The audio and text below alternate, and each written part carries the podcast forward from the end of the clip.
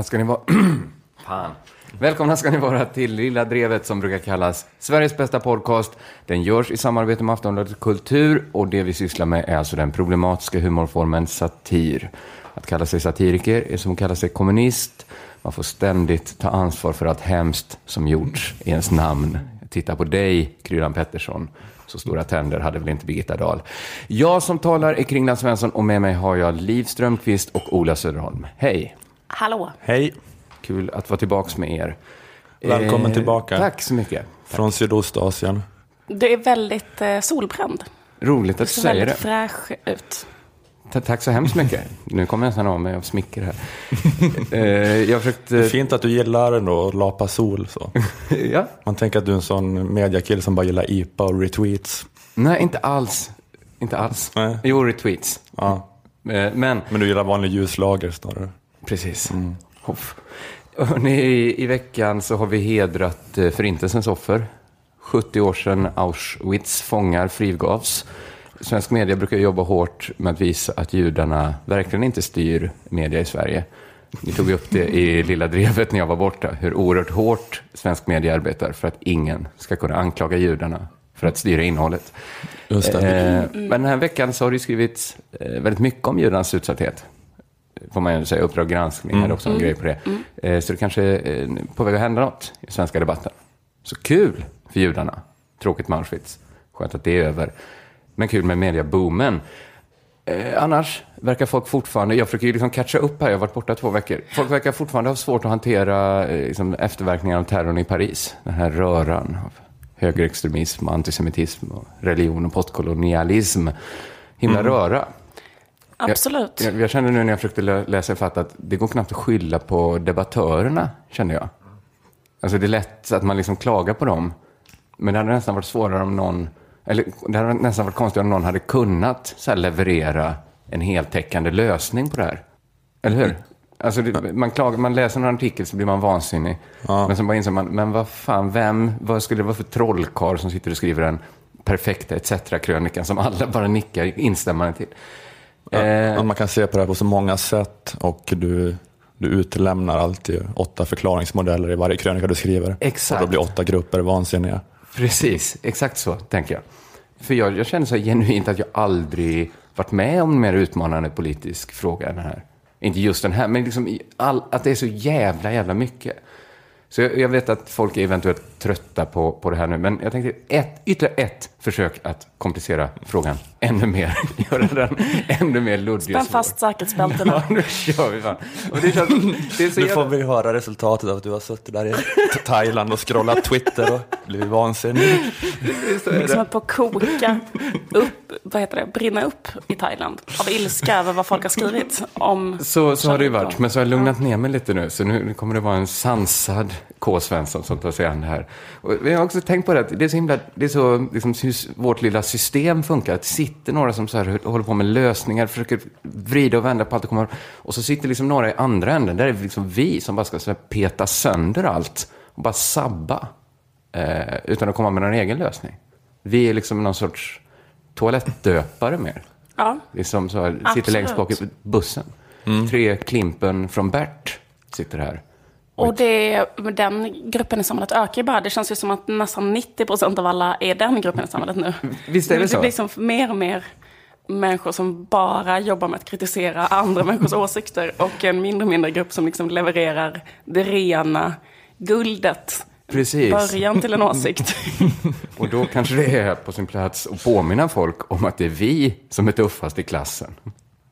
Ja, just det. vi kan lyssna på. Ska du sätta ner foten? Nu nu? sätter jag ner foten här. Så att vi, kan få, vi har fortfarande mandatet att, att peta lite. Men annars tycker jag att snart får vi börja skärpa oss också och jobba lite på en lösning. Nu vänder vi kapten bakom fram, handen på höften som i alla tider. Nu kör vi. Det här är det 50 avsnittet av Lilla Drevet.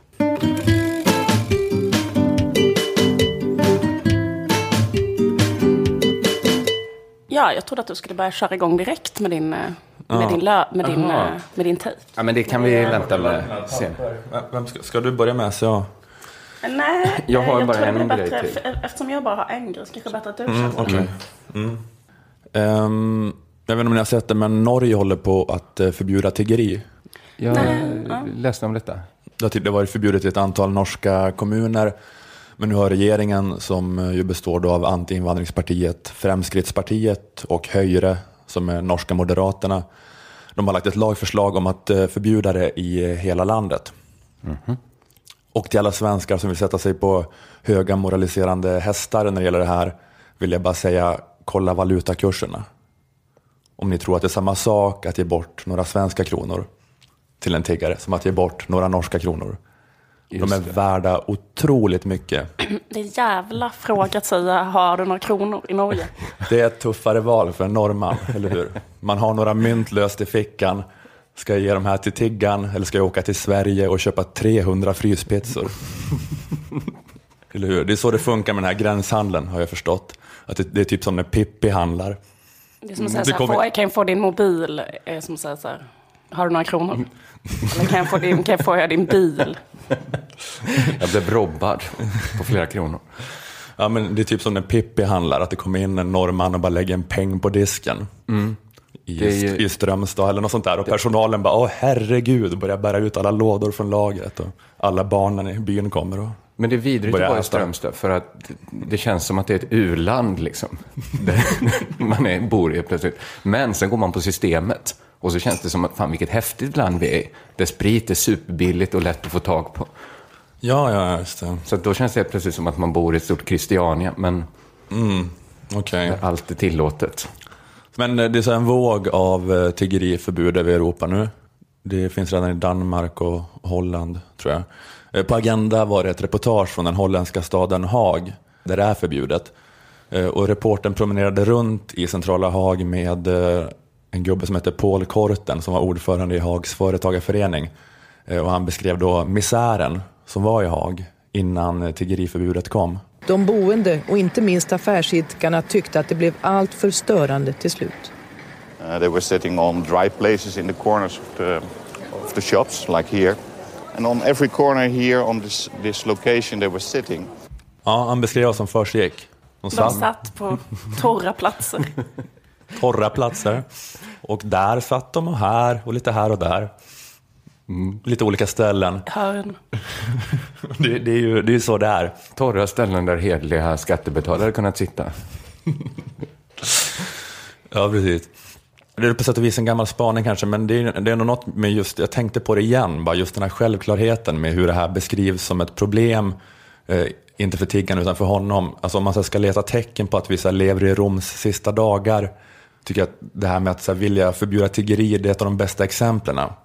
Det, det är ett tecken på att man är så gränslös, så här, att man är typ den ekonomiska mannen eller något som bara, jag förtjänar det bästa nu. Att det är, så här, det är ett steg från att bli arg på dåligt väder och vilja förbjuda det. att så här, man, man, man tycker inte att det är nog bra som det är, eller hur? Och hur är det nu? Jo, det är att man inte behöver ge pengar till tiggarna. Man kan bara gå förbi. Men det är inte nog. Det här med att de fattiga aldrig stör mig, det räcker inte för mig. Jag har ett problem med de fattiga och det är att de aldrig stör mig. Jag tänker inte nöja mig med det. Att de bara så här aldrig stör mig. Nej. Eller hur? Just Är det. de syns? Ja, men vi har liksom den här ordningen då, att det anses okej så här att jag har så mycket och de har så lite och ingen försöker förhindra den ordningen. Och jag känner mig jävligt orättvist behandlad. Allt jag begär är att jag vill ha ett samhälle som är ojämlikt till min fördel. Och, och jag vill att det inte ska synas att det är så. Det är liksom det enda jag begär och ingen jävel lyssnar på mina känslor. Det är som, man är väl så här gränslös i sina krav, i sitt ha-begär. Och Så här, äh, man är någon slags korsning av en galen romersk diktator och Mariah Carey. Det är, så här, det, är så här, det här är ett utav, en av grejerna man skriver upp på sin så här excentriska rider, vad man vill ha. Så här, att jag vill ha hundra vita kattungar, jag vill ha tolv tibetanska munkar med kokain på gässan, jag vill ha sju dvärgar utklädda till de sju dvärgarna och jag vill ha ett samhälle som är ojämlikt till min fördel, men det ska vara osynligt. Kan ni fixa det? Jag vill ha en akupunktör som inte får göra ögonkontakt med mig.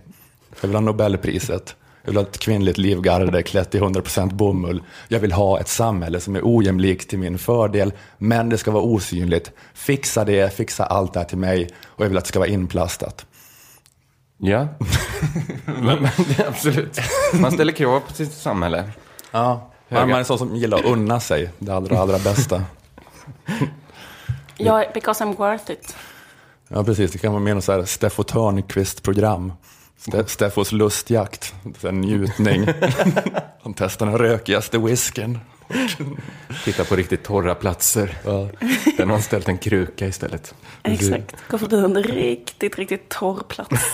Under ett litet utskjutande tak.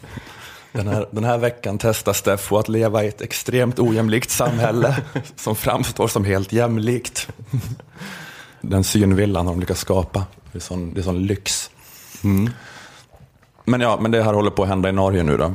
Med tiggeriförbudet. Eller tiggeförbud, som det heter på norska. Jag sökte faktiskt på videor på tiggeförbud. Eh, och eh, hittade här, en intern debatt från norska Höjres landsmöte i höstas. Eh, där de diskuterade då tiggeriförbudet innan de hade bestämt sig för att det var deras linje.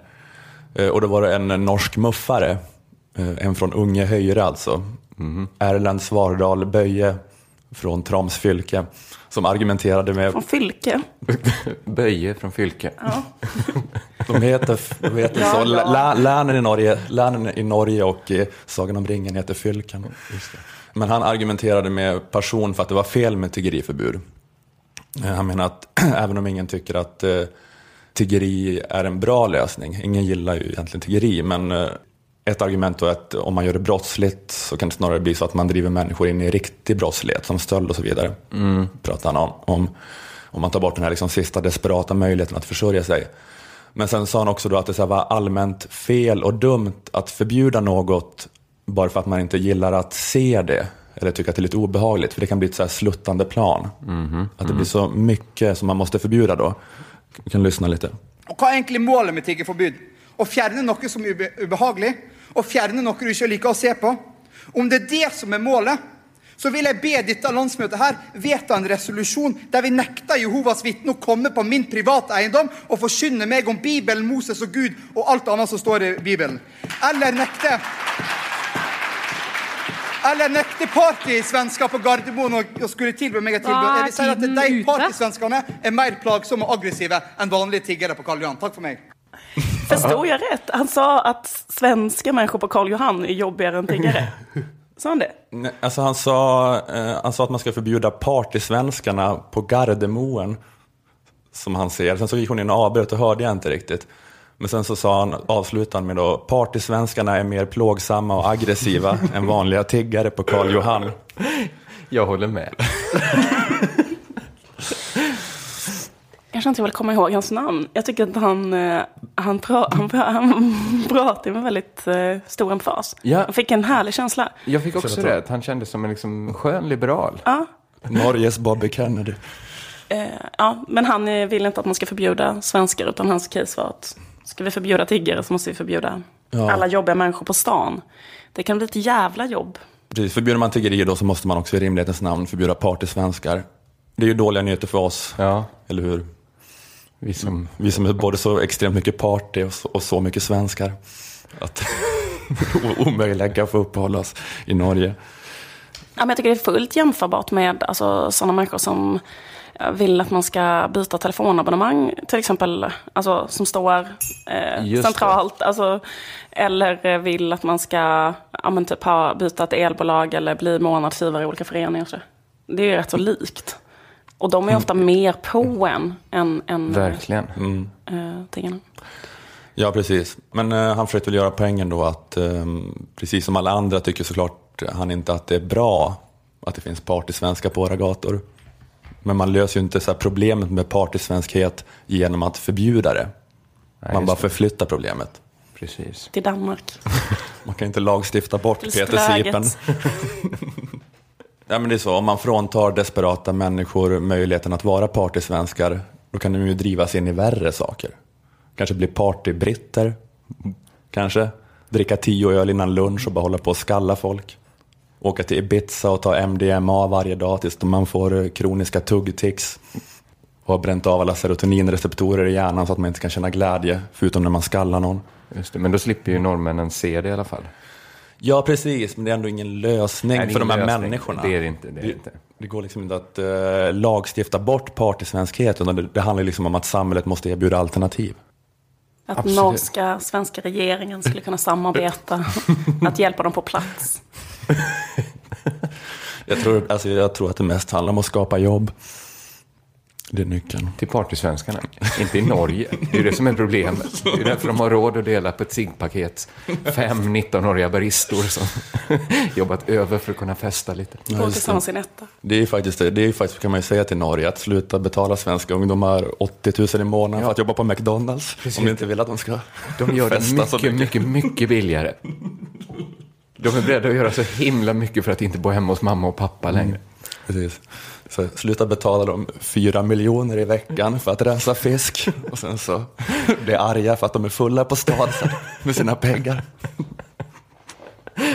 Vad tror ni?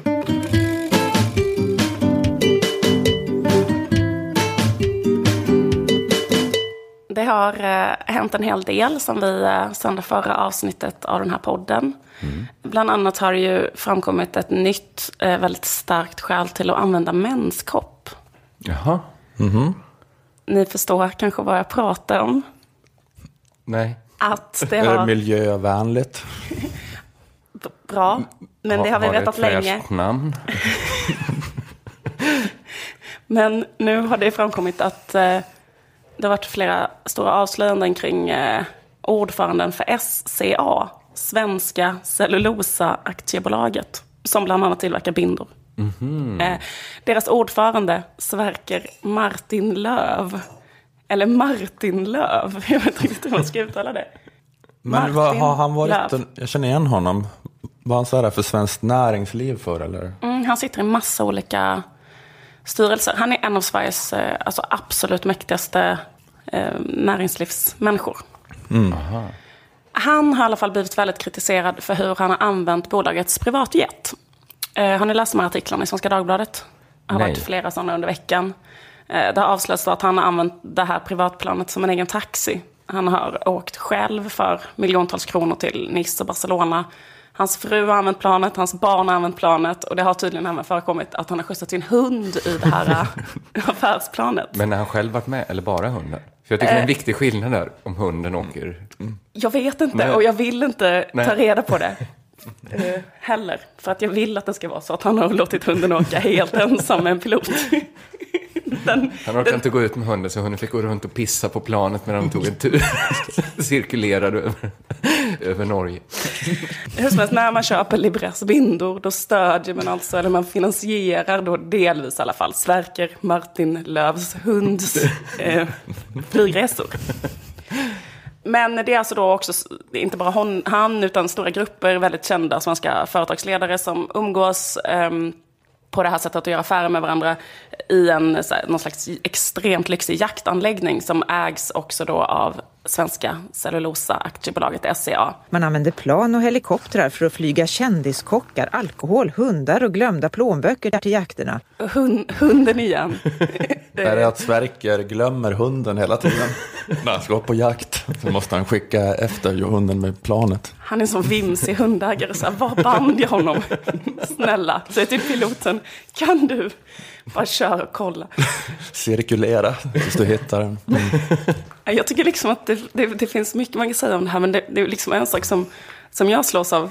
Det är liksom att eh, det vittnar om Sverker Martin Lövs nästan så här lite gripande barnasinne. Det här med att låta sin hund åka flygplan.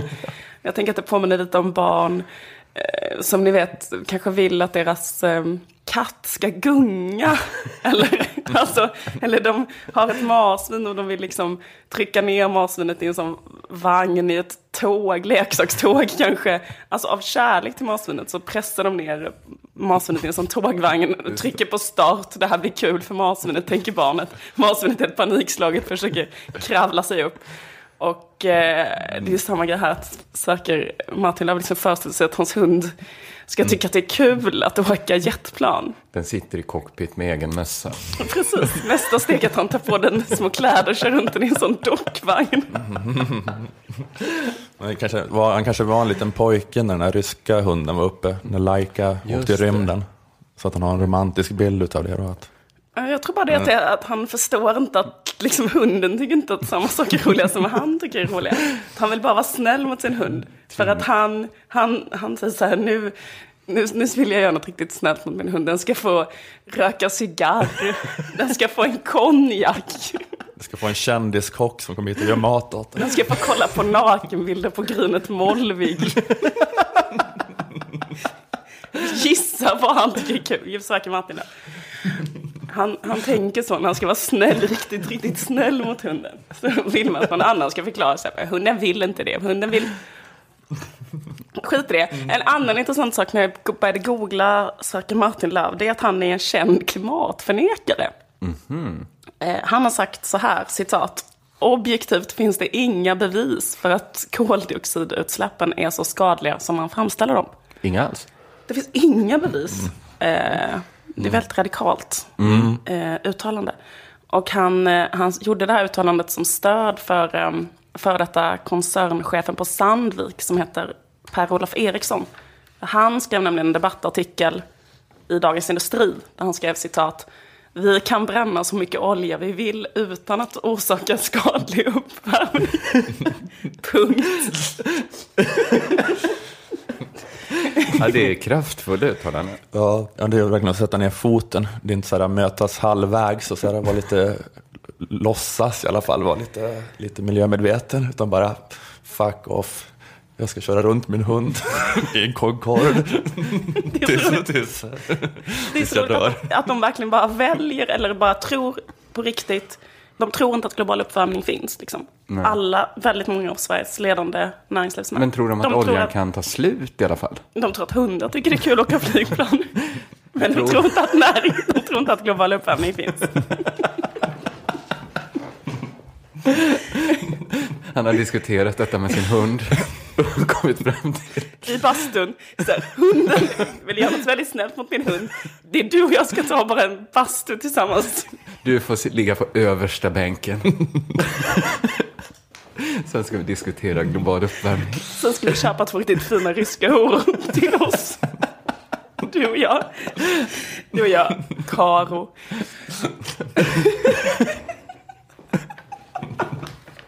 Jag vet inte detta om Sverker Martin. Men, Det är den bästa gissningen vi har. Eh, nej, men jag Det är också, ungefär lika väl underbyggd gissning som hans eh, insikter om klimatet i alla fall. Man säger. Lite, lite bättre. Ja, lite tror jag bättre. faktiskt. Mm. men jag tycker också att det är intressant för det sätter ju lite perspektiv då på den här grejen just att skjutsa runt husdjur i jetplan. För att han, för honom är inte det konstigare än att man sätter in sin hund i en lådcykel och kanske cyklar runt som människor kan göra här på Möllan där vi bor. Det är samma sak för honom. Eh, hur som helst, efter allt det här så fick han avgå, Sverker Martin Löv. Efter klimatförnekandet, eller? Nej, efter det här med hunden i flygplanet.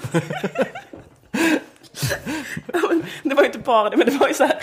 Det var ju, det var ju att de hade varit på, de har använt då, eh, alltså hade varit hans egna flygplan kanske det varit en annan sak. Men det var ju SCAs liksom affärsflyg som han använt så, att hans fru har åkt med det själv och sådana saker. Och sen så eh, var det också att de hade varit på en jakt, han och liksom alla andra av Sveriges mest mäktiga näringslivstoppar. Och så hade de varit fast på något jävla berg och skjutit och så hade de kommit på att de var utan alkohol. Och då skickade de med en helikopter, eh, körde och lämnade alkohol till dem. Och så Okej. vidare. Ja, ja, men det var väl... Eh. Eller jag menar så här, det var, det var väl företagets pengar. De, det var väl bra för dem att de sparkade han då. För han verkar ju vara någon sorts utgift för företaget, han och hans hund. Ja, precis. Då fick han avgå och eh, så ersattes han av eh, en annan person som heter Anders Nyrén. Som är då liksom eh, en helt annan person, en ny fräsch företagsledare som verkligen liksom kommer ta tag, kanske då, i den här sunkiga kulturen som finns där då. Eh, Men hur ska han göra liksom, för att ändra på den här typen av kultur inom näringslivet? Eh, vad svarar eh, den nya, obs nya, fräscha, helt annorlunda vdn Anders Nyrén på frågan vad ska de göra åt den här typen av kultur inom näringslivet? Jag tycker du ställer fel fråga. Det, det här med privatjet i olika former används väldigt mycket i Sverige och i svenskt eh, vad heter det, näringsliv. Eh, och det, det är en företeelse vi måste vänja oss vid. Jag tycker det är roligt det här liksom hur de är. För att det är så här äh, att, att alla då i Sverige som hör hur de använder sitt privatjet eh, tycker att det är lite konstigt att ha den här typen av extremt avslappnad inställning. Nästan mer avslappnad inställning än till en taxi. För jag tänker, man ber ju inte en taxi åka och hämta ens hund till exempel. Nej. Men de har en så avslappnad, jag vet inte hur, vad man ska jämföra med riktigt, men extremt avslappnad inställning. Men att alla, alla reagerar över det. Men, men så är man så starkt övertygad om sin egen, det är det som jag tycker är så påfallande med de här människorna. Man är nästan så här patologiskt liksom, e- ego, sådär. Att man tänker att, men jag, problemet är att alla måste vänja sig vid hur jag använder ett privatjet. Ja, ja. Och samma grej med klimatet, så här, alla säger att det finns ett klimat, men jag säger att det inte finns. Liksom. Eller så här, nu ska jag göra någonting riktigt roligt med min hund och inte vara förmögen att göra det här rollövertagandet, vad skulle hunden tycka var kul? Utan då är det så här, äh, då tar jag med honom på min, um, ja, jag vet inte vad, min jakt. Typ. Han får skjuta en annan hund. liksom han, han får göra något som jag tycker är kul. Han får, ehm, han får en... eh, Han får umgås jättemycket med den här sexiga inredningsarkitekten som ska göra om mitt kontor. Eller något. han kan inte göra rollövertaget, någonting med det. det är så otroligt så här, eh, det är intressant tycker jag. Man är liksom sån järn, benhård, eh, ett benhårt subjekt på något sätt i alla, i alla sammanhang. Man det- kan inte tänka så, vad tänker någon annan? Nej. Man tänker bara, vad tänker jag? Ja, men det är lite intressant ändå att, de, eh, att det är något med att bli så där rik, att man inte kan hjälpa sig. För att det känns som att, det är som sagt som du säger, att de, har ingen, de kan inte leva sig in i hur det ser ut för vanliga svenskar. Att det är så här, eh, eller det är verkligen grejen i Sverige, att man ska ha i alla fall den här Ingvar Kamprad-imagen. Ja, att man är precis. liksom en så här lutheransk eh, strävsam gubbe som har samma kläder trots att man har miljarder och så här, har samma vanor. Men att de ändå det tycker man att de borde fatta att eh, det skulle vara bra PR för dem att hålla på att vara så, men att man kan liksom inte låta bli att typ bli en afrikansk diktator när man har så mycket pengar Men är det och att de- börja med sådana här excentriska excesser. Men det är så himla, himla konstigt. Han är liksom ändå den nya vdn. Att han inte där och då när han blir intervjuad och Aktuellt kan säga så här, ja det här har varit fel men det ska vi ändra på nu. Utan då bara så här, mm, nej, du ställer fel fråga. Det var inte fel. Man bara, men varför har du då, varför har ni då avsatt den här gubben? Det är liksom så himla, himla konstigt. Är det liksom att de, de liksom känner att de har liksom levt under en sån sossediktatur hela sitt liv och nu är de liksom som liksom nyrika ryssar. Med, alltså så här, man måste liksom så här, damma ut allt sossigt. Vi måste vänja oss vid att så här får liksom de rika uppföra sig i Sverige. Det är inget fel. Ja, men som Ola sa, Kamprad-looken liksom. Han, Andersson Irene, har också varit med på jättemånga av de här jakterna och hans fru har åkt där det är samma affärsplan. Så alltså, det är ju inte heller, eller det är verkligen samma gubbe. Det är typ hans bästa kompis.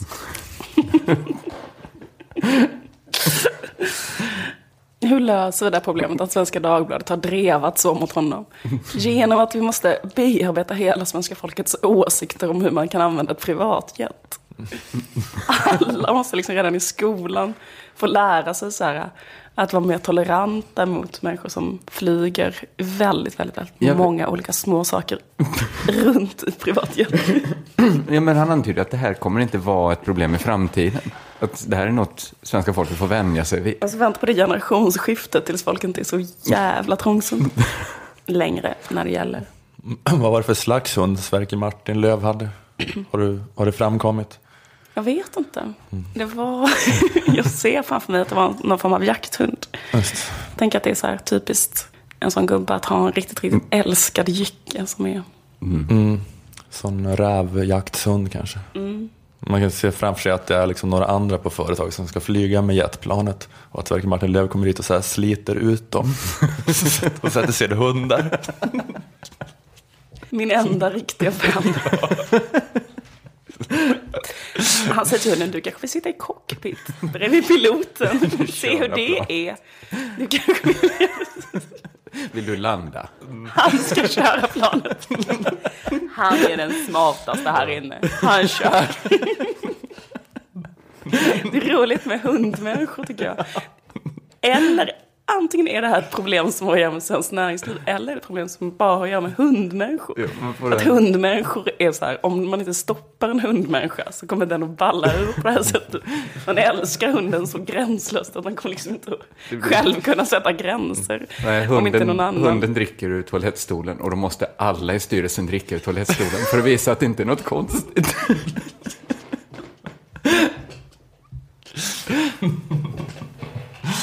Det är så att alltså, utser hunden. Ska, Ra- Rambo ska vara vice vd nu. Karl-Hedrik, du är sparkad. Gå till skräddaren, vi ska ha två likadana kostymer. Man ska ha så golf, likadana golfbyxor. Som inte en stickad väst. Hunden ska ha egna golfklubbor som kan sätta fast på ryggen. Små golfklubbor.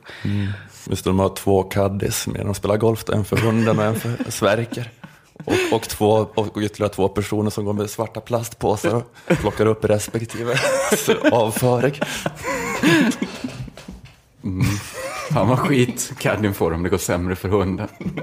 Bara hundens caddies fel. Då blir den sparkad. Begravd i en bunker.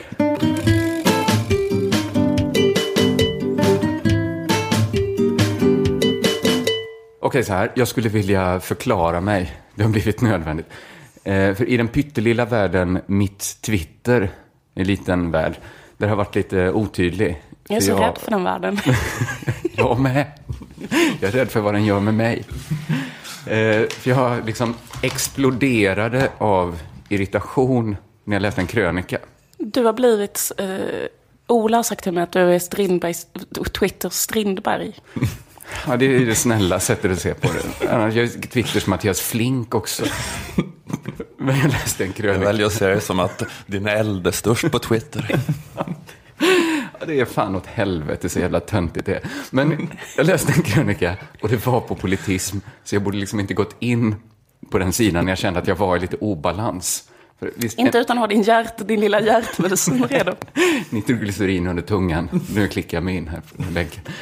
Nej, men en del saker där kan ju vara jättebra, men en del saker får ju ens blodtryck att öka så att grannarna klagar. De bara, kan din upprörda puls slå lite lägre? Vi försöker sova här. Så i vissa artiklar, och jag läste en artikel av eh, Kavas och Fagari som var, den var bra, ska jag säga, eller helt okej. Den handlade om efterverkningarna till terrordåden i Frankrike. Och det var en helt rimlig text som tog upp den här helt berättigade oron om, ja men till exempel, kommer övervakningen öka nu? Kommer högerextrema vinna på det här? Kommer islamofobin? Ni fattar. Det var en helt rimlig artikel. Och din eh, orden i din tinning bara Den pulserade. sprack och sen badade jag i mitt eget blod. Jag bara kände så här, jag orkar inte mer nu. Att det var för rimligt. Radiosändning. Ja, Radiosändning. det är inte live, så det är ingen fara. Stör vi dig eller? Är det- Förlåt. Okej, skönt. Perfekt. Kommer han gå här eller ska vi... Ehm, Vi kan köra på, vi han får väl höras i bakgrunden. Precis, jag säga det. Vi, det är eh, Malmöförfattaren Fredrik Ekelund som jag delar kontor med här. Så Just det, som kom in, eh, Passerar som rör sig i bakgrunden. rör sig i bakgrunden. Spännande. Ja, det adderar något kanske. Det adderar en Malmö-touch. Man skulle bara Vilken behöva en sån. Liten knausgård-touch. Var var vi? Det Vi var, var så vettigt. att jag badade i mitt eget blod. Så du badade i ditt eget blod. Mm. Nej, men, ja, det är jättefint så här att alla inom vänstern för en gångs skull tycker samma sak. Visst. Men måste de tycka så fruktansvärt exakt likadant allihopa i den här frågan? Alla artiklar är så här. Antingen ska man oroa sig för vad som kommer hända med alla vanliga muslimer efter det här. Eh, nu när hatet kommer öka, för det är klart det kommer göra det. Eller så ska man liksom förstå, kanske inte fundamentalisterna, men att sånt här händer. Eh, liksom, i, I ljuset av vår postkoloniala historia. Eller i vår, ljuset av vår koloniala historia. Att liksom väst har också en skuld för att det här händer. Det är också tänkvärt. Men jag läser så himla mycket krönikor nu i Thailand. Och alla spaningar liknar varandra så fruktansvärt mycket i det de aldrig tar upp. Det finns två analyser som jag nästan aldrig ser bland de här texterna om Charlie, eh, Charlie Hebdo. Mm. Den första då, som jag tycker är ganska skönt att man inte ser så mycket av. Men ändå så, så lyser den verkligen med sin fr- frånvaro. det var tecknarnas fel. Ja, men ändå så här lite deras fel ändå. Och då du vill, du efterlyser mer Jag av efterlyser den. att någon faktiskt har den åsikten. Men för, får jag säga att det Mm. var en människa som typ hade den åsikten på min Facebook och wall som jag var Just tvungen det. att blockera. Eh, jag tycker ändå att den åsikten har vibrerat som en underström. Det tycker jag också, men, Mm. Men den har inte aldrig sagts ut. uttryckt i Den någon sades- etc-politism. Alltså de som man ändå kunde... För, alltså de som ändå tycker kanske det är lite, lite fel att skända... Eller jag, jag vet Men inte, jag det tycker ändå känns det som... finns folk som har sagt så här, eh, eh, vi tyckte inte att det var fel att de blev mördade, men vi tycker att det är fel att eh, göra eh, Muhammed-karikatyrer. Jag har nästan inte hört den för att det är så jädra victim-blaming. Men, Jag men det är möjligt jag att... tycker Jag tycker- victimblamingen har vibrerat som Jag stark ja, underström. men det tycker Jag jag, också håller när man pratar med vanligt folk. Men vadå, tycker ni, ja men jämför med Lars Vilks.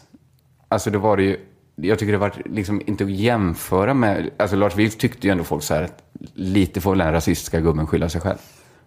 Jag kanske läser liksom fel krönikor, men jag har, och det- i så fall är jag, Ja, men jag har sett så här, folk som har skrivit, men det kanske, jag tror inte att det skulle publiceras i någon bredare media, men man har ändå sett folk som har uttryckt den typen av ändå känslor, typ så här, eh, om de här gubbsatirikerna hade ritat lite mer som Liv Strömquist, så hade de kanske överlevt lite längre. det är ju en galen röst på din Facebook. Det är en galen röst på min Facebook, men jag tycker ändå liksom att den rösten har, eh, har funnits. Absolut, okej. har Men då, kan, då kanske liksom inte det här, då kanske inte det här, liksom, den analysen inte saknas. Jag, jag tycker den analysen är åt helvete såklart, eftersom jag Analysen att någon ska stå med en så här pistol mot huvudet på en som ritar och titta om det är nog Liv Strömquist likt. Och, är det inte det ska man eh, eh, skjuta. Men det kanske också att det har varit så här förvirrat för att det, det var ju sån eh, debatt också om vad Charlie Hebdo är. Ja. Att det, är så här, det kom ju någon sån backlash och folk började säga så här, obs, de är rasister. Så var det så här, men ni förstår inte franska kontexten, ni har läst det här som när Nordkorea läser The Onion Precis. och de utser Kim Jong-Un till sexigast i världen och så tror de på, att det på riktigt i Nordkorea publicerar så- för att det är så här ironisk liksom, rasism, att de gör parodier på Front Nationals eh, kampanjer och sånt där. Så det är så här att eh, f- det har ju så jävla mycket oinitierade åsikter om vad Charlie Hebdo är för att det är ingen som vet i en men det borde ju vara skitsamma kontext. egentligen om de är liksom höger, man förtjänar väl inte det, Nej. det tycker väl ingen. Nej, precis. Men, men, men det kanske att folk, jag menar bara med Lars Vilks var det så att fler utav, jag tycker, som sagt, jag håller med dig att Ja, ingen ja. förtjänar det, men jag menar de som vill hålla på och relativisera det här hade kanske så här lättare att göra rasistcaset mot Lars Vilks, att de visste vem han var, att han hållit på att hänga med counter-jihad-rörelsen för mycket och sådär. Jo, jo. Och sen så, men det är mer förvirrat med Charlie Hebdo. Vi tar den andra analysen Ja, som eh, lyser otroligt mycket mer med sin frånvaro i vänsterpress. Det är islams fel. När såg ni någon sån? Det, det argumentet ser jag inte i någon av de här krönikorna som liknar varandra. Så aldrig någon debattör som inte befinner sig liksom extremt långt ut till höger säga att det här skulle kunna ha något med islams lära att göra. Alltså om vänstern liksom talar om islam eh, i- liksom, i anknytning till det här, så talar man liksom om fundamentalister som egentligen bara är unga vilsna killar. Vet, man har en period när man kanske testar att näthata Blondinbella, eller så drar man ut i heligt krig, sånt som pojkar gör. Eller så, bygger man liksom, så har man liksom en idé att terrorn bygger på vantolkningar av Koranen. Det ser jag liksom hela tiden. Det är alltså inte den tolkningen som är sann, utan vantolkningen, själva boken, läran, är det inget fel på. Många inom vänstern skulle vilja ha samhället organiserat så som Koranen föreskriver. Men tyvärr är det bara en massa vantolkningar i omlopp som gör att den här vackra, sanna texten som nedtecknades av Gud och därför har särskild auktoritet, att den har smutsats ner. Det är vantolkningarnas fel. Är det det de, som står i, i vänsterkrönikorna? Att de, att de vill ha teokrati? Bara rätt sorts teokrati? Övertolkar du inte själva lite läran. Varför är det ingen som bara kan tycka så här, varför finns det ingen religionskritik inom vänstern? Ja, men jag tror att, eh, alltså, eller jag hörde liksom eh, Richard Jomshov stå och säga i de här grejerna att han tror att eh, grunden till terrorn står att finna i, liksom, i religionen islam. Att i den religionen specifikt är vålds eh, uppmuntrar till terrorism. Ja, där har ju vänstern ett jättebra case att säga att det inte är den religionen specifikt. Var bara traditionellt religionskritisk. Sitt inte som ett gäng så konservativa kärringar och tycka att man måste faktiskt visa respekt för folks religion. Fuck you! Det är väl opium för folket? Eller vad fan håller vänstern på med? Men, det- men det är så här att, eh, att man är liksom för ett, eh, man ska vara för ett sekulärt samhälle såklart. Men, eh, men det är ändå så här svårt. eh, Och, och så kan man säga att jag tycker att det är bättre att vara ateist. Jag tycker liksom att det är en bättre grej. Och så kan man så här missionera om att det är bättre. Men det är ändå sen när folk ska hålla på och ha sin privata tro. Jag vet inte. Jo, men det får väl folk ha, men vänstern kan väl vara emot religion och andra liksom konservativa vanföreställningar som folk har. Ja, men de är väl emot att religioner ska prägla samhällena på det viset. Ja, Som det absolut. gör kanske i många länder i Mellanöstern. Men liksom, vad ska man säga? jo, det är klart att de är emot att det ska prägla samhällena, men de borde vara emot liksom, alltså kunna kritisera själva läran också, för det är klart att det finns inom islam liksom saker som inte är softa. Alltså i själva liksom ideologin. Det är ju deras, Koranen är ju deras liksom ideologiska text. Det är väl så extremt jävla olika. Det är väl det som är grejen. Typ att det är så här, man tänker så här, eh, jämför så här, Indonesien med Turkiet, med Saudiarabien, med sunni, shia, alltså så här, salafister eh, versus eh, såna här Ja, eh, sufier som sitter och så här sjunger en sån asskön gammal dikt och då röker opium. Det finns, det finns väl liksom väldigt, väldigt, ja men det är väl liksom som, men sen kan man säga så här, ja, eh, det verkar ju vara så att det är lättare att hjärntvätta folk om man blandar in att det finns liksom en högre makt och så. Även om det finns sekulära terrorgrupper också, men det liksom Jo, jo, addar ju något att man liksom tar in någon sån eh, mer överjordisk eh, sekt-vibe. Jo, men det finns ju, jätte, det finns ju liksom högerextrema terrorgrupper, men då är man ju emot deras ideologi också liksom. Ja, men det tycker jag ändå inte jag att man kan riktigt eh, jämföra. För liksom högerextrem ideologi går ju ut på att eh, typ dela upp och rensa ut. Men jag menar, islam är ju bara en religion, en världsreligion som innefattar liksom miljarder människor som Jo, men det är också en tycker att lära de som predikar liksom ojämställdhet, jämlikhet mellan könen till exempel. Ja, men det, fast, ja, Precis, men, men, men det, det här är ju ja, det här är en gammal trött sägning, men det är ju ingen skillnad mot Gamla Testamentet. Nej. Där är ju också att alla andra folk, förutom judarna, ska dö och Men att varje- kvinnor är orena och så Varje gång, vidare. varje gång George W. Bush sa något kristet sinnessjukt uttalande, liksom, kanske att han fått i uppdrag av Gud att så- starta ett krig, så kritiserar man att han var kristen. Alla inom vänstern var överens om att det var dåligt att ha en religiös tokstå, att religionen liksom gjorde honom sämre. Ja, visst. Och feministerna, alla de som kritiserar KD för att de grundar sin liksom, moralpolitik på vad som står i Bibeln. Alltså, KD skulle ju förbjuda aborter och gayäktenskap det första de gjorde om de bara inte behövde ta hänsyn till, till väljare och så här. Det, det, här är ju vänstern alltid emot. Men när det kommer till islam så finns liksom inget sånt. Det finns, det finns verkligen moskéer i Sverige som Feministiskt initiativ borde liksom starta blockad mot. De borde sitta runt armkrok som feminister satt utanför porrklubbar på 90-talet. Men det finns liksom ingen kritik mot islam. Och det är ändå människor som är ganska duktiga på att hitta sexistiska strukturer. Alltså Gudrun Schyman var liksom så övertygad om att de här ubåtsspaningarna var liksom bara patriarkala liksom, stridspittar. Det liksom gick direkt att se liksom var, att det fanns liksom ett patriarkatsystem. Men all, alltså, det är så himla sällsynt att, att leta efter det här inom islam. Så att det, det blir ju snart löjligt att bara ge högern den här frågan. Att, Ja. att vänstern liksom inte bara ska släppa sin religionskritik.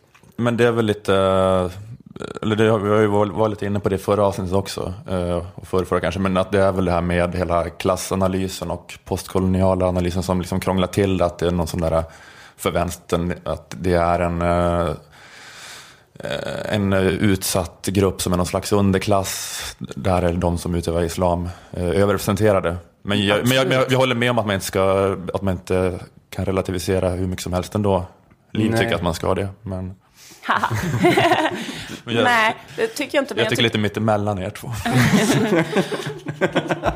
Ja, men jag tycker bara så här, man kan inte backa ut ur rummet så fort en fråga blir svår och så liksom inte ha en åsikt om den. Nej, men jag tänker att det är liksom den här grejen att, förlåt att den här podden har lämnat eh, Ja, humorsfären. om, vi skojar mycket om den här hunden innan, så vi har mandat att vara tråkiga. Kan vi, kan, vi, kan vi be alla lyssnare komma ihåg hur kul vi skojade om en hund för ett tag sedan? Och nu kommer jag på att höra den här långa... Det är alltså två stycken personer med svarta plastpåsar som plockar upp bajset efter hunden och svärker när de spelar golf. Nej, men jag så står ut med den här långa vettiga. Nej, men... Eh, eh, Jag ska teckna Mohammed som en jätterolig hund. mycket av vänstern. Som alltid är ute på äventyr. Är det nästa Lars Vilks eh, teckning, Mohammed Hund i Sverker Martin Lövs privatjet? Nej, men det man skulle kunna göra är att försöka tydligare ur, urskilja så här vad som är eh, en ateistisk religionskritisk hållning och vad som är, för det var det vi snackade om i förra podden, liksom att det känns som att det finns här två grupper av de som älskar Muhammed-teckningar. En grupp är de som älskar Muhammed-teckningar för att de hatar eh, muslimer och islam och blir lyckliga när någon kränker det de hatar mest av allt. Verkligen. Och de tror att det pågår en islamisering i Europa. Och de tror att deras barn ska få leva efter sharia-lagar. Om de inte utvisar alla eh, som kommer från att handla. Så eh, Så- tror ju många. exakt, och den exakt. rörelsen växer ju starkt på massa olika ställen i Europa och så. Mm, Eh, men sen finns det ju en annan del som, som du säger som bara är så här, eh, religion eh, är fel liksom. Och eh, ha en ateistisk hållning om att tro att samhällen blir mycket bättre om de är sekulära och att religion alltid måste liksom hållas nere för att annars eh, Men jag liksom ballar den alltid ur. alla religioner är fel, men till exempel islam är ju inte en soft religion. Eller? Sufiska. Poeten Rumi, har du läst honom? Han är säkert en jättebra poet, men jag har missat. Men sen finns ju den tredje gruppen också, de som bara älskar comedyn i en bra Muhammed-karikatyr. De som får sig ett riktigt gott skratt, men sen inte har några politiska åsikter kring. Den, den gruppen. Kolla vad han har i röven. Är det en penna? nu har jag sett allt. Jag skulle så himla gärna vilja att den gruppen trädde fram. Tog mer plats i debatten. Den gruppen som bara gråtskrattar och vrider Ont i sig. magen Ont i magen. så riktigt, sånt riktigt välgörande. Sharon kysste en gris. Bara, Sitter i SVT Debatt och kan inte så här prata om den här frågan ens för att det bara knä- kväver fnitterattackerna hela tiden. av Monty Python-sketchen med världens roligaste skämt. De avlider för att de skrattar så mycket. Det är därför vi inte hört deras röster. De skrattar ihjäl sig och dog. Så det, det kan man också kritisera Muhammed-karikatyrerna för. Att de är för jävla roliga ibland. Det är ju Men jag, jag håller också med, jag tycker att det är väldigt viktigt också, att det, något just det där med att, eh, att man har den här hållningen att det heliga för mig är att inget är heligt. Alltså jag måste få säga att allt ni påstår är heligt, att jag tycker att det är bullshit. Att det får inte finnas någon beröringsskräck inför det. Nej, nej men så här avbildningsförbudet, det är ju deras förbud. Det behöver inte vi förhålla oss till. Så finns det också. Sen kan man Men sen är det väl också så att det inte finns något avbildningsförbud. Alltså det är så konstigt det där, för att Ola var ju inne på Muhammeds Wikipedia-sida och då var det en bild på honom där till exempel. Och, eller så här, det, så det verkar också vara som att det inte är i alla fall över hela linjen eller på, eller Men på det sätt verkar vara olika mellan olika muslimer, säger olika saker om det där. Ja, men jag tycker också så här att, eh, att det finns absolut en poäng med det här att hålla fast vid liksom egna universella principer och så. Men att helt bara gå efter så här universella förnuftsprinciper och inte alls så här liksom se eh, sin egen roll. För jag tycker också det kan finnas något så här, jag, jag, jag, med ateism, att det kan vara sån, ja, men just så här, människor som inte, alltså varken på riktigt, och jag inkluderar mig själv i det, inte vet ett piss om liksom, islam, vad man säger i en moské, vad någon tycker, vad det, vad, alltså du vet, eller är extremt oinformerad. Och sen bara är så här, liksom, fuck, det finns bara en åsikt om det här. Man bara, du var väl för fan ingen, eller du vet att man, vad vet vi överhuvudtaget om vår jävla existens på planeten? Nej, är det nej. helt o, ointressant att bara prata om en annan dimension? Varför tror vi att den liberala västerländska demok- demokratin är liksom eh, kronan, det absolut högsta som någonsin helst? Alltså, eller jag bara, jag bara vill liksom, ja, i men man, kan, man kan ha en diskussion om det, men det är klart att det är ju en åsikt bland andra Ja. att tro på då, humanism och liberal västerländsk demokrati. Precis, men det är ju liksom ingen så här... Grä- Grät du när du sa det? Fick- du så här fukt i ögonen? för att de- Vad sa du, när jag sa? Ja, precis när man säger de vackra orden. de vackraste orden vi har. Nej, men jag kan visst öppna upp liksom för att det finns en demokrati. andlig Christer sida. Sturmark. Det kan väl visst finnas en andlig sida till tillvaron. Det, det är liksom inte det jag säger, men liksom de här liksom tunga patriarkala världsreligionerna, de måste man ju liksom också få vara emot. På samma sätt som man får vara för dem. Jag, är ju inte, jag, är liksom inte, jag hatar ju inte muslimer. Jag hatar ju liksom islam. Det, det är liksom skillnad. Man kan vara liksom extremt islamkritisk men ändå liksom vara emot moskébränningar. Men det är ju så självklart så att det kanske, men det kanske man måste förklara. Ja, fast jag, jag känner liksom med att hata islam, att, eller du, du vet, man, man känner ju så liksom med eh, alltså allt sånt där, alla tendenser till teokrati, vad den är, kan jag känna att jag hatar. Men just det här när folk håller på att ha en sån här tro liksom då, de har sin egna tro bara, att religiösa tro, att då, alltså jag skulle inte beskriva det som så starka känslor för det, det är mera jag känner mer för dem som kanske så här, för människor som har husdjur. Att det är så här, ja, att det, det får man väl liksom acceptera. Sen innerst inne känner jag lite så här, vad fan, vad fan ska det där ge? Vad fan ska det där ge? Du, men, snälla, du jämför med hus. Men jag menar, så här, folk får ju tro och tycka vad de vill. Folk får ju vara nazister också såklart. De får inte göra vad som helst som nazister. Men jag tycker det är en eh, ja, konstig jämförelse. Ja. Men, men, men, men, men, men, inte med husdjur. Ja men vadå, men alltså i, i, i, i nazism så ingår ju uppenbarligen ett åsiktspaket som innebär att man eh, inte tycker att alla människor är lika mycket värda. Det är det som jag menar ingår i islam också. Ja men det gör det inte. Ja men det ingår ju idéer om att det här livet inte har prioritet jämfört med det som kommer efter döden. Jo men, jo, men, men det är klart det är ändå det det innebär att vara religiös. Ja men det är ju så här bokstavstolkningen då, det är ju, de, de där morfas ju om, så det är med judendom och kristendom också. Att, alltså det är klart att det är så här... Äh, men om man inte tror på ett liv efter detta som är viktigare än det här livet, då har man nästan lite slutat vara religiös. Ja, men, det, ja, men det är som allt. här, vad heter han, KG Hammar liksom. Vad fan är, han har ju så här kompromissat bort allt. Ja, man inte fattar inte men han är vart han är. religiös längre. längre. Jo, men jag menar, Men han är ändå kristen. Det finns väl liksom allting från så här Ulf Ekman till Elisabeth Olsson Wallin. Alla, är kristna, alla de är ju kristna liksom. Ja, ja, ja. Och, eh, nej, men det här är så fruktansvärt basic. Det är klart att det är så att liksom, men det går inte att säga så om en religion så här, den här, det tycker jag också varit, men jag menar jag stör mig också skitmycket på när folk är så här, att vi ska hitta passager i eh, Koranen där det står eh, att... Eh, men så behöver man inte göra. Det behöver man inte Men jag tror inte, jag tror inte man ska värdera eh, Eh, religion överhuvudtaget. Liksom, för allting handlar bara om hur, vad utövaren gör eller hur den tolkar det, som, exakt som kristendomen. Jag är nog liksom mer, liksom, har ett större principiellt grepp. Jag tror inte det är bra att tro på någonting så mycket som man är beredd att dö för. Liksom. Då tror jag liksom att det är något grundläggande fel. Att ens liv, alltså det skapar ett, liksom, det skapar någonting där ens eget liv och andras liv på, den här, på det här jordelivet inte är så viktigt. Och det tycker jag man ska vara emot faktiskt. Ja, man kan vara emot det, men frågan är ju så här, för att det, jag tänker att det är så här, äh, det, det, äh, varför folk börjar brinna i huvudet av hela den diskussionen, det är för att det liksom, det finns ju två så här superbasala eh, politiska principer som på ett sätt liksom står, eller står kanske lite mot varandra, eller i alla fall måste liksom brottas lite mot varandra. Eller typ, jag tänker på yttrandefrihet då. Och sen är ju religionsfrihet också en sån stark jävla grundpelare i ett samhälle. Så här, mm. Och den tycker jag ändå att folk har varit inne och tassat på sig i Frankrike när man förbjuder slöjor ja, till exempel. Det ska man absolut inte Nej, göra. men jag menar att när man är, när man håller på att hetsa upp en sån stämning, så här, islam som religion är så dåligt, då, då börjar ju folk lagstifta sånt som jag tycker går emot eh, liksom jättebasala så här, med, ja, ja, mänskliga principer. Liksom, som är så här, skit i vad fan de tror på. Det har väl inte vi med att göra? Nej, nej folk får tro på vad de vill, såklart. Men man kan ju ändå liksom, man måste ju inte älska allt som alla tror på. Nej, precis. Men det är kanske lite om man är eh, så vegetarian och tycker det är fel att döda djur så känner man ju något inför köttätare, att de borde sluta vara det. Så, men, eh, men man eh, dödar ju inte dem. Nej, precis. Eller man hatar dem ju inte ens.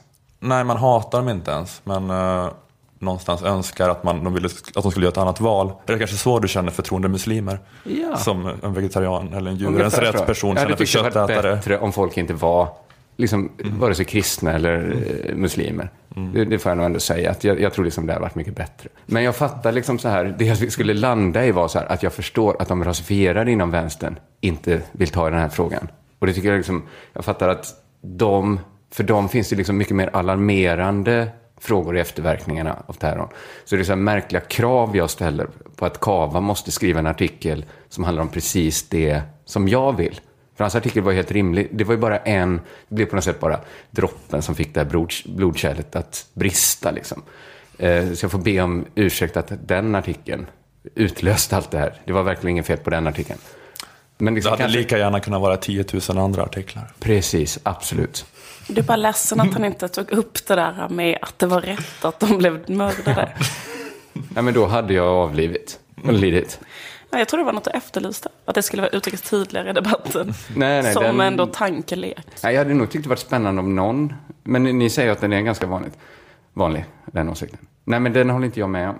Nej, men då Ja, men lite har det varit så. They brought them on. De liksom har jag ändå. Ja, skitsamma. ja, nej, skitsamma. Bla, bla. Förlåt, politism. så jävla konstig avslut. Ja, det är din punch. Det är min punch. Ni märkte kanske inte, men där kom punchen till slut. Bara 20 minuters upplägg till skämtet förlåt politism. Känner du dig befriad nu när du har fått säga det här? Det känns skönt att ha bett om ursäkt. Men Det här var den sämsta versionen av The Aristocrats jag har hört.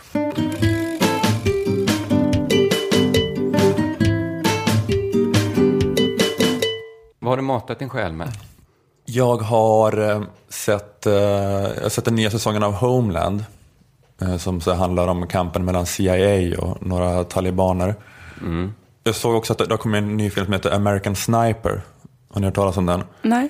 Nej? den det handlar om den amerikanska soldat som dödat flest irakier. Flest confirmed kills. Och då har de gjort en så här hjälte-biopic-film om honom. Och med liksom egen picka då? Han har inte liksom bara sprängt något så det dött. Utan han har verkligen haft folk sika kika. Ja, ja, precis. Han var krypskytt. Ja, ja. Så, eh, och jag, jag tänkte, Fy fan vad sjukt. Att göra en hjältefilm om honom. Mm. Det låter vidrigt. ja, precis. Men det är, ja, det är Clint Eastwood som har gjort det. Så han är så superrepublikan. Han är 130 år gammal nu. Nej, men jag bara funderar på det här fenomenet med liksom, samtida amerikanska krigsfilmer. Att jag fattar liksom inte hur de lyckas göra så mycket filmer och tv-serier, för det görs hela tiden, eh, där den moderna amerikanska soldaten är en hjälte. Att jag tänker att så här, det, alltså det var en sak förr i tiden då liksom det kanske var så USA mot Sovjet eller mot Nazityskland. Att det var så här, eh, ett krig med två arméer. Eller något sånt. Men, men hur är liksom så här, styrkeförhållandena nu? Att så här, fiendesoldaterna är några skäggiga milismän som springer runt i öknen med en överbliven Kalashnikov från Afghanistankriget 79. Eh, amerikanska soldaten, det är någon som sitter i ett kontrollrum 100 mil bort och trycker på drönarknappen. Hårdraget. Nej, alltså exakt så. Ja, så, men så, så, väl- så var Homeland. så här, Ca- Carrie satt och tryck, tryckte på drönarknappen, så här, pang, du är död. Jag klarade det, stridens hetta, det var han eller jag. Jag kände det. Nej men, um, men jag tänker så här att, um, alltså det är ju inte en imponerande insats, så här, att även om man är så här jättepro USA, som Clint Eastwood är kanske, och tycker liksom att alla deras krigshandlingar är legitima, måste man ju ändå så här rent filmmässigt tycka att det är lite av ett dramaturgiskt problem. Att, så här, att det hjälten ska åstadkomma, så här, det stora hindret, resan vi ska följa med på, det som ska övervinnas, det har så här, samma svårighetsgrad som att, som att brotta ner en tvååring. Ja, det är lite av ett dramaturgiskt problem. Just det, ja, men det, det har du rätt i. Att det, det är lite så här som att så här, Filip och Fredrik skulle göra en film om det svenska bandylandslaget. som tränar som fan i ett år. för att få möta det somaliska landslaget. Sen har så här sentimental musik och slow motion scener när Sverige bara krossar dem med 70-0. Så här. Men vi får då vara med på hela resan. Vi får följa dem från deras inte första och deras inte stapplande skär på is. Se hur de inte växer som människor. De är så trevliga. Att det är en väldigt stark, här, eh, stark kan man stark eh, röd tråd i filmen. Hur trevligt det svenska bandylaget är. Hur härliga de är. Precis. Och hur, kunde- hur de bara fortsätter vara integrerade som de var i början av filmen. Man skickar ett gäng eh, Dramatenskådisar som får spela brallorna av Glada Hudik-gänget. Bara visa var skåpet ska stå en gång för alla.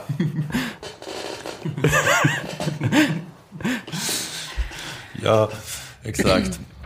eh, nej, men jag vet inte. Det är, um, jag har bara- tänkt på det här uh, Ja, men det fen- fenomenet. det svårt. Att det, det är ett drama, ett dramaturgiskt problem. Att, att, vissa, man ska, att man, just att man ska följa någon då som är i överläge på en spännande resa Mot seger. Mot mot seger. seger. mot, mot status quo fortfarande. Men för den här eh, American Sniper, det har varit så lätt för honom att döda iraker. Jättelätt. Ja. Det är bara, jag vet inte riktigt. Det är som, man, man kan lika gärna en krigsfilm med någon som går runt med så här en myggsmällare. Det är så. Ja, men det är sällan man vill se det här. Men det, men det är ofta så att man vill se en underdog som reser sig, eller hur?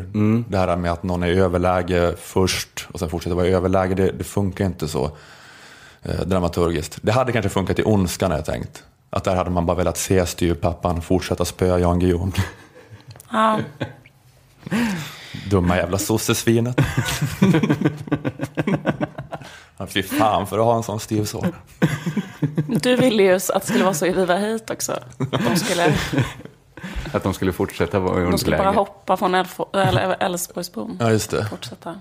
Vi har ett misslyckat garageband som ska bli ännu mer misslyckat. Vi ska hoppa från Älvsborgsbron. Ja, men det är sant. Ja.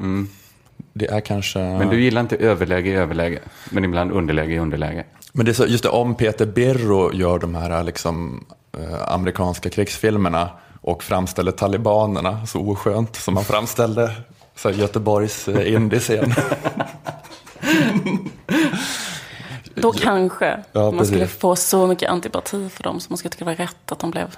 Ja, precis. Om den här liksom, eh, milisledaren i Homeland eh, hade samma repliker som han, huvudpersonen i Viva Hate, hade. Och skrek om The Cure hela tiden. Då hade jag hejat på så här, USAs förkrossande överlägsna krigsmakt. Ja, det kanske är det vi ska landa i, att eh, sluta göra de här filmerna om den moderna amerikanska soldaten. Om ni ska göra dem, låt Peter Bero göra dem.